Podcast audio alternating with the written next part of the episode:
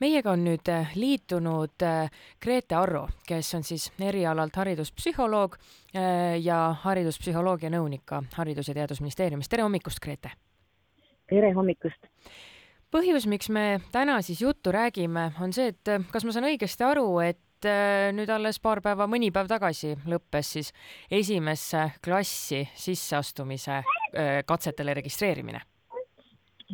jaa, nii, nii peaks vist olema küll, jah. ja paralleelselt sellega äh, tuli välja ka esimene koolide edetabel, et kes on siis meil kõige paremad nii-öelda ja kes on siis kõige halvemad äh,. teen otse siitkohalt lahti, kas selline liigitamine või kas need tabelid, mida on meil läbi aastate ja aastate tehtud, mis on teie hinnang äh, hariduspsühholoogina, et äh, kas neid on vaja või neid ei ole vaja?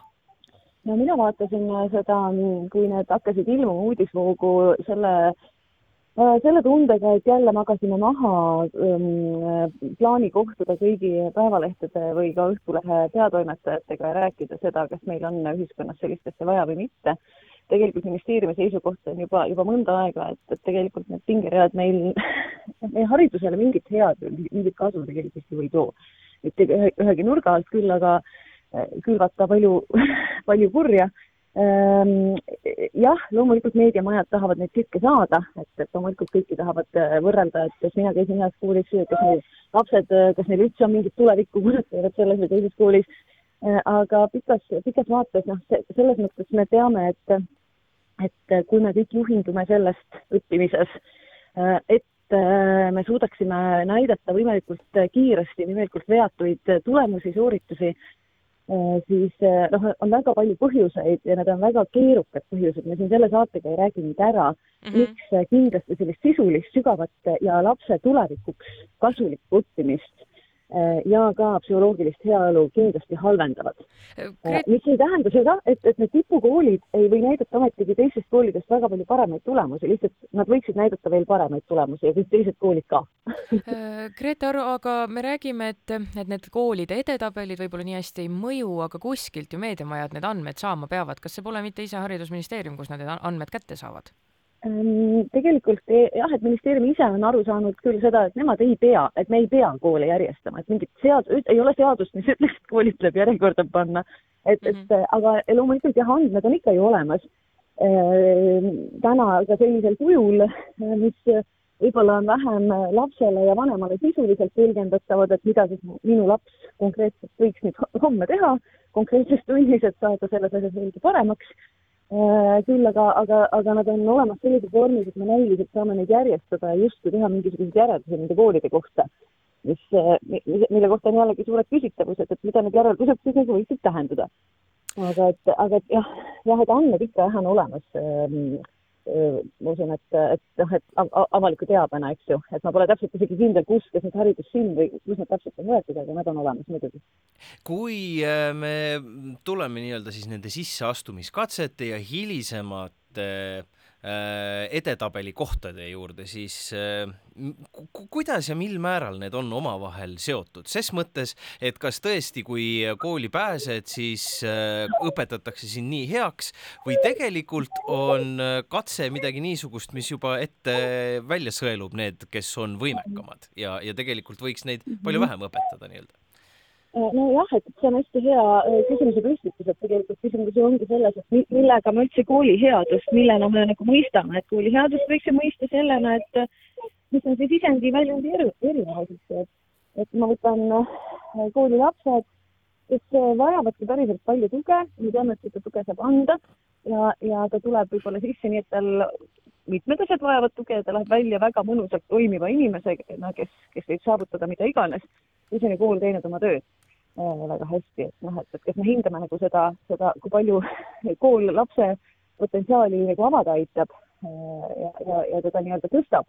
Äh, et noh, et jah, et, et kui koolikatsed üritavad kätte saada sellist tippaimset võimekust, kus või hetkevõimekust, eks ju, ja laseb hetkevõime, nii-öelda tippvõimekus välja ka, siis ta ju ei ole muutnud seda potentsiaali. aga et, et tegelikult seda, ma usun, et võib-olla sellist analüüsi või sellist noh, sellist uuringut ei ole ju ka ilmselt tehtud, et kuidas äh, koolikatsed nagu seostuvad hilisema mingisuguse edukusega, et ma arvan, et meil ei olegi neid andmeid, noh, me, me, see, kuidas koolikatseid täna tehakse, ma pole üldse kindel,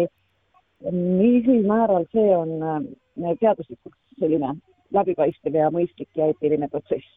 Londoni King's College'i äh, DNA uurijat professor Robert Blumenit äh, lugedes või, või kuulates äh, jääb aga selline mõte õhku, et tegelikult ei ole absoluutselt mingit mõtet last panna nii-öelda eliit- või erakooli, sest et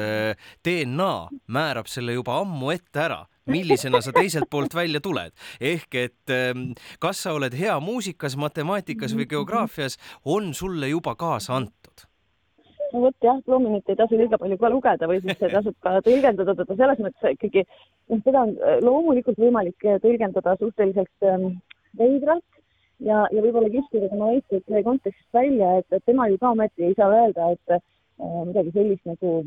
geneetiline potentsiaal saab avalduda keskkonnast sõltumatult, see on, see on ju välistatud.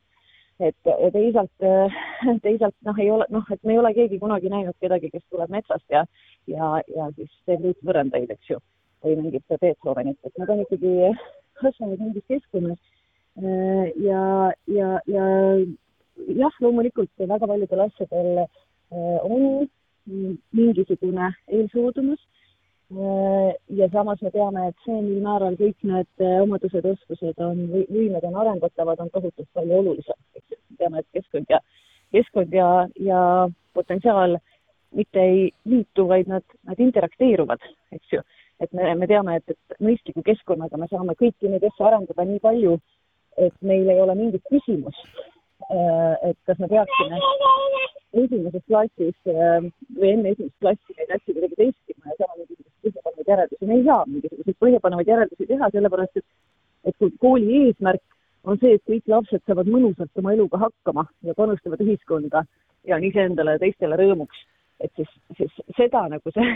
et nad, et et selle, sellepärast ei ole mõtet testida, et aru saada, et kas siis mõned nagu noh, ma ei tea, ei või seda saavutada või. Et kõik lapsed võivad, võivad saada koolist kasu ja noh, et